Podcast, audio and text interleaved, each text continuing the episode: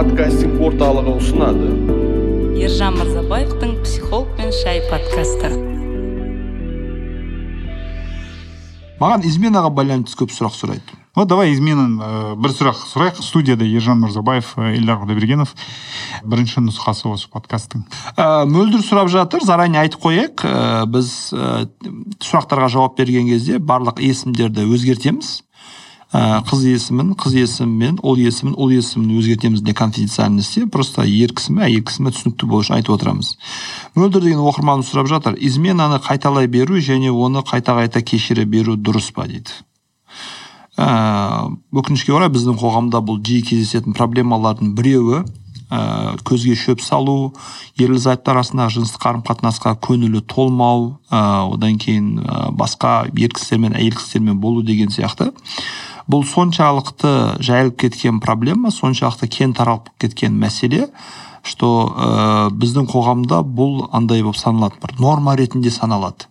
Яғни бір кісі даже ер кісі үйінен қырық қадам кетсе бойдақ болып саналады дегендей там. Ә, командировкаларға байланысты не бір анекдоттар бар. Сөйтіп қоғамның санасына ер кісілердің көзге шөп салу қалыпты жағдай болып саналады. Осымен алғашқы рет әйел кісілер ә, кездескен кезде көріскен кезде тап болған кезде шок болады не істеймін деп. Сөйтіп не істейді? Ең бірінші ең жақындарына айтады. Подружкаларына айтады. Ну у меня тоже муж изменяет не істейміз енді дейді мысалға. Үш балам бар тұруым керек. Одан кейін мамасына айтады мам осындай осындай жағдай болады не істеймін? енді қызым шыда енді балдар үшін отбасы үшін. Қазір жас қой молодой молодой погуляет погуляет потом успокоится зато қартайған кезде бақытты боласың там енесіне айтады сіздің балаңыз былай былай істеп жатыр не істеймін деген кезде. Енді бәріміз содан өттік не істейсің енді жүре бер деген сияқты ә, ойына құя береді. И осылай осылай көзге шөп салу сияқты жағымсыз бір әрекет қалыпты жағдайға айналдырып кетті қоғамның ішінде. Сондықтан ә, мен кейбір кезде осындай сұрақтарды естіген кезде таң қаламын да бұл дұрыс па дұрыс емес па сұрақтың өзі біртүрлі елдар өте қиын жағдай. Сондықтан да сен сияқты адамдар керек психологтар чтобы дұрыс шешім табу үшін. Таразыда көп нәрсе тұр. Бір жағынан сенің өзің жеке арың намысың екінші жағынан отбасың үшінші жағынан бала шаған төртінші жағынан ну көзге шөп салады бірақ ұрып жатқан жоқ қой ішіп жатқан жоқ қой. Яғни қоғамда болып жатқан отбасыларда болуы мүмкін. Одан да жаман нәрсемен салыстырған кезде бұл нормально сияқты көрінеді. Ә, дегенмен айналып келген кезде көзге шөп салу ешқашан біздің қоғамда нормальный нәрсе болмау керек. Ешқашан күйеуіңіз көзіңізге шөп салып жатса біз әйел кісі сұрап жатыр. Немесе әйеліңіз бұны жасап жатқанса ер кісілер болсын. Бұны ә, норма ретінде қабылдамау керек. Ә, міндетті түрде соған өзіміздің реакциямызды қою міндетті түрде сол проблемаға қарай сол проблемамен күресу міндетті түрде соны тоқтатуға тырысу керек. Бірақ бұл жерде ә, орта жолды баланс ұстанған дұрыс.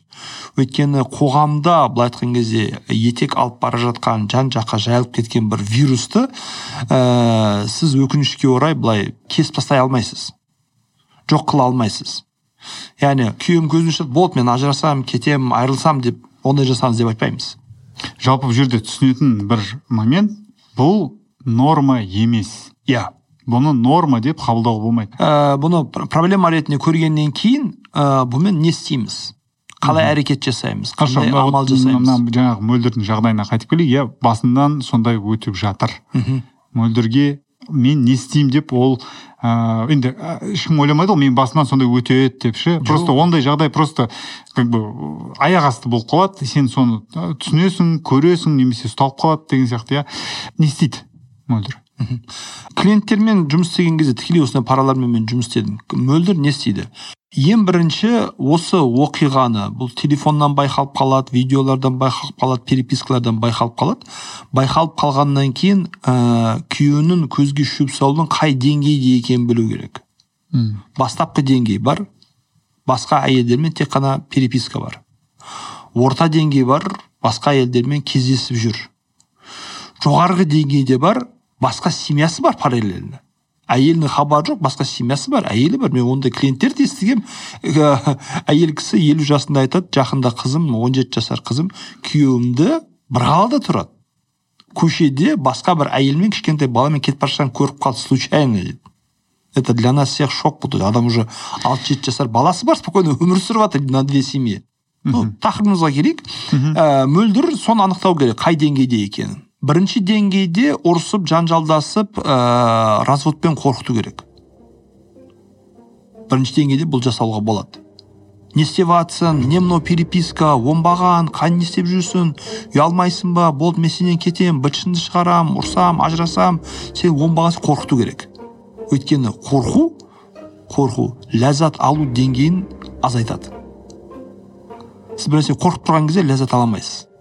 А измена бұл ләззат алу измена бұл удовольствие адреналин. тығылып бір нәрсені істеу общение жасау деген кезде өте өте бір рас күшті действенный зат екен алла ол жерде күйеуіңіз скорее всего енді енді бастап жатқан адамдар қорқады. Әлі тамыр салған жоқ әлі жайылып кеткен жоқ әлі жоғары деңгейге кеткен жоқ. А ойбай сен түсінбей қалдың сен байқамай қалдың сен көрмей қалдың. Жоқ олай емес мойындағысы келмейді. Первый этап это всегда бізде отрицание. Мойындағысы келмейді қарсы шығады. Одан кейін қабылдатқызу керек.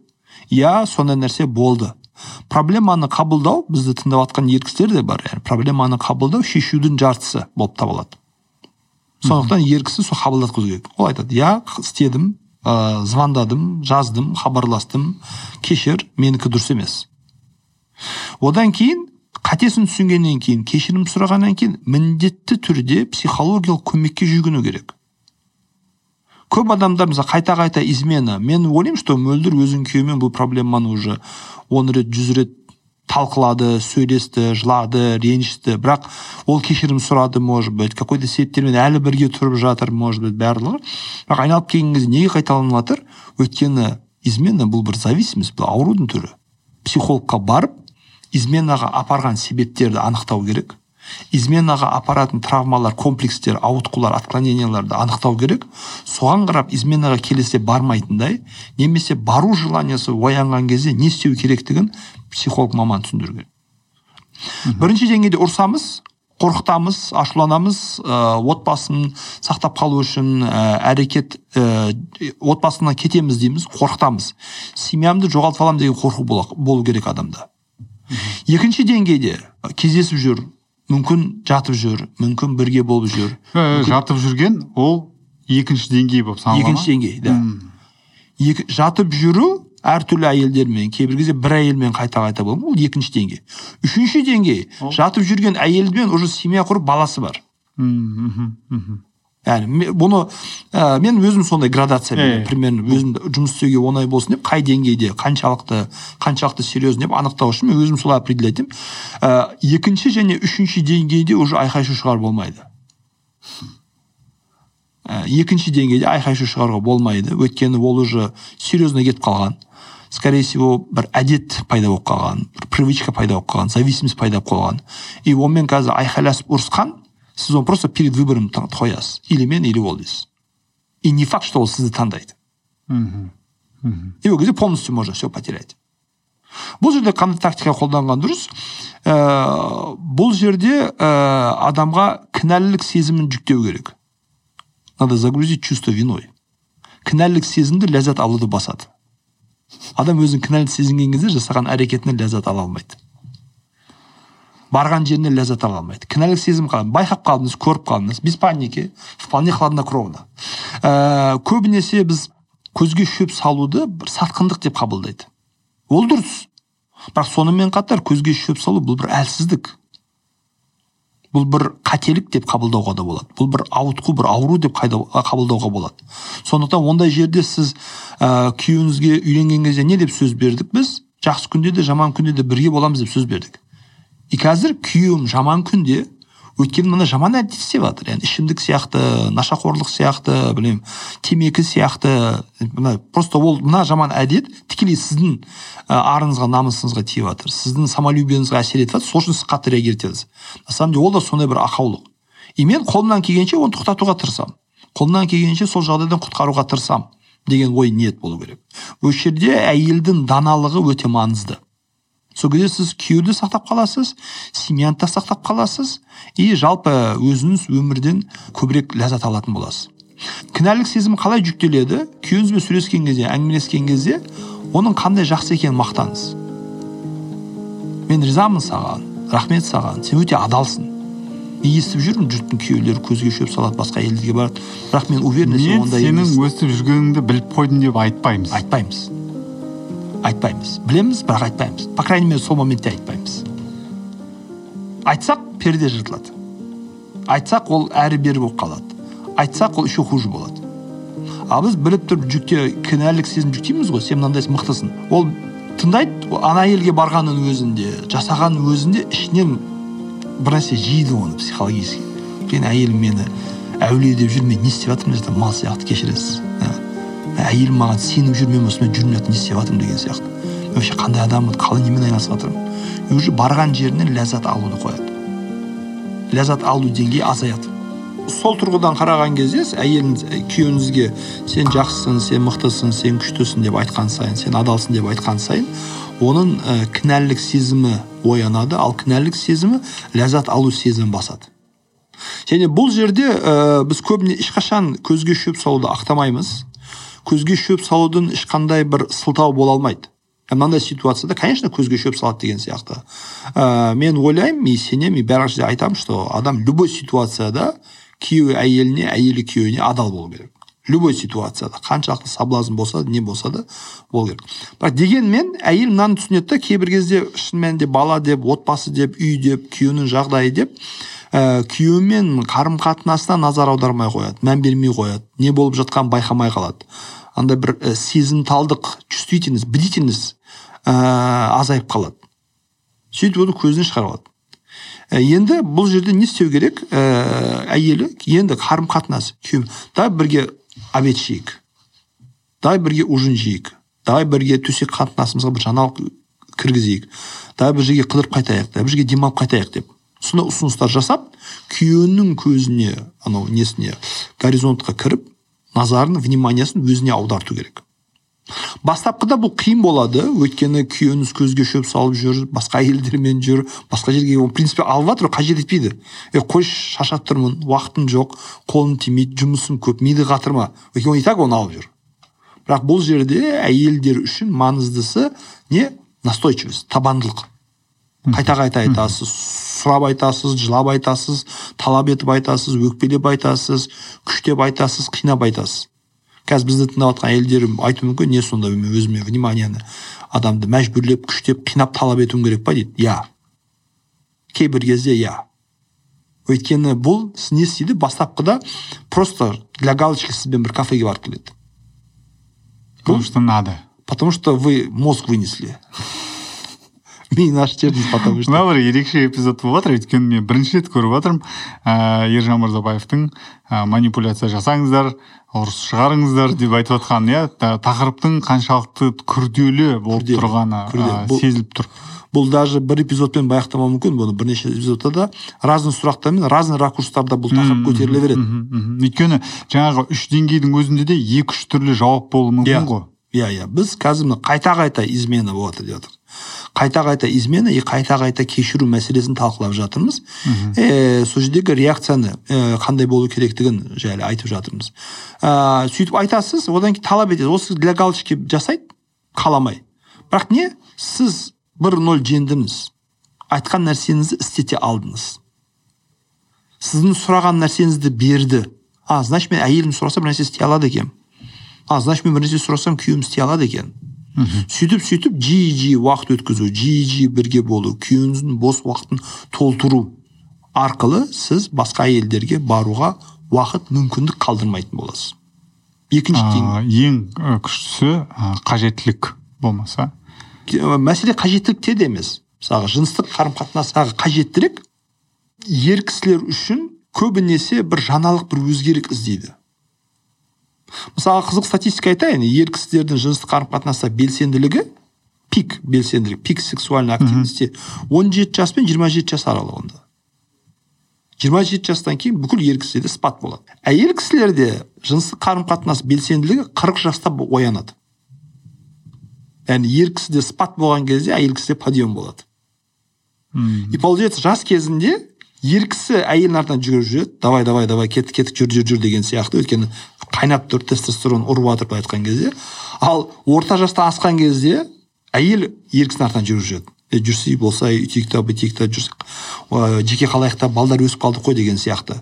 И бұл былай айтқан кезде ә, алла тағаланың біздің организмге табиғатқа қойған керемет бір баланс. Жас кезінде егер әйел кісінің жыныстық белсенділігі көп болатын болса ана бола алмайды. Мхм. Балаларды ойламайды тастап кете салады спокойно бара салады измена жасауға ашық болады былай айтқан кезде. Вниманиясы басқа жерден ә, внима- вниманиясы басқа нәрседе болады. Бірақ бірінші қырық жас балалар уже өсіп өніп қалпына келе бастаған кезде әйел кісілер жыныстық қарым қатынастағы белсенділік артады. Ә, мәселе ода емес мәселе мынада жиырма жеті жастан бастап спад болады дедік қой. Сөйтіп кісілер көбінесе отыз бес қырық қырық бес жастарында көзге шөп сала бастайды средний. Неге? Мә бұрын мен аптасына екі үш рет жақындасатын едім. Қазір аптасына бір рет болып жатыр значит менің әйелім жаман. Значит менің әйелім меня не тянет. Значит әйелім менің қартайып кетті. Значит әйелім меня уже былай айтқан кезде мені меня не возбуждает. Ана не бар ғой күнде бір тамақты жей беремін ба деген сияқты. Сол бар сол бар. И андай ә, аз болған сайын ол ойлайды что әйелде проблема. Но на самом деле аз болу және әйеліне деген жыныстық қарым қатынастағы қызығушылықтың азаюы бұл ер кісінің проблемасы. Оның жыныстық белсенділігі азайып бара жатыр просто. В этом ничего такого как но бірақ ә, мидағы әдет тұр иә иә иә сөйтіп олар ә, сырттағы әйелдермен бірге болуға тырысады басқа әйелдермен қарым қатынас құрысады.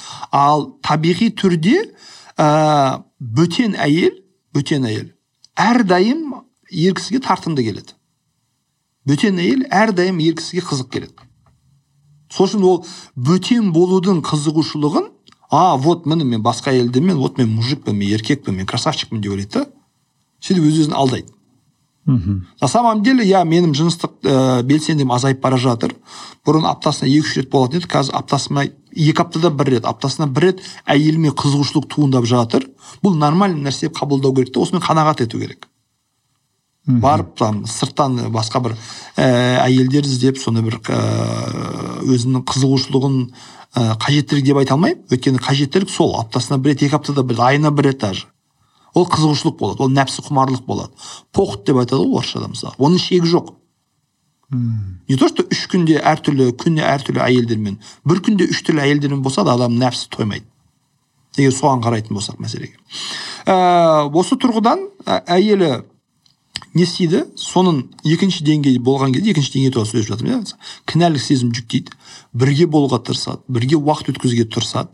Және осы орайда ә, жастық шақтың әңгімелесін жиі айту керек.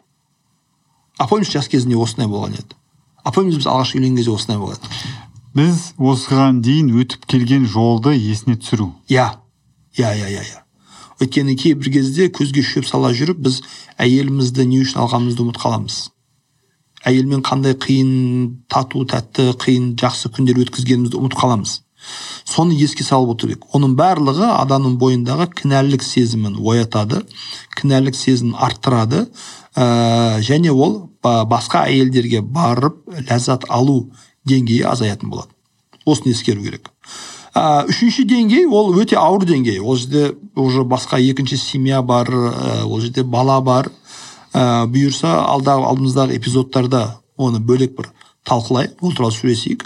Ал мөлдірдің және мөлдір сияқты ситуациядағы әйелдерге ә, қорыта келе айтатын жауабымыз құрметті тыңдармандар ә, біздің тыңдап барлық кісілер қайта қайта кешіруге болмайды. Қайта қайта измена жасау дұрыс емес.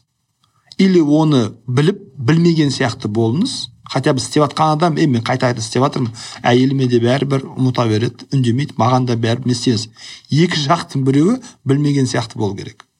Білмеген сияқты ол әрекет ету керек. Бірінші деңгейде не істеу керегін айттық екінші деңгейде не істеу керегін айттық. Ең жақсы жақсы бір психолог жақсы бір сексолог маманға барып жыныстық қарым қатынасқа байланыстағы ойымыздағы қате түсініктерді сейілту тазарту және ол үшін яғни бір әйелдің бір өмірге толыққанды жеткілікті екенін жететіндігін ә, түсіндіріп ұғындыру керек. Сіздер тыңдап өткен психолог пен чай подкасты біздің чайымыз су үлгеріпті. Өйткені әңгіме өте қызық. Иә. Сондықтан ендігі аптада ә, кездесеміз. Сәрсенбінің сәті. Психолог пен чай ішуді ұмытпаңыздар. Жақсы. Барлықтарыңызға рахмет. Сәттілік. Ауырмаңыздар. Шайларыңыз дәмді болсын.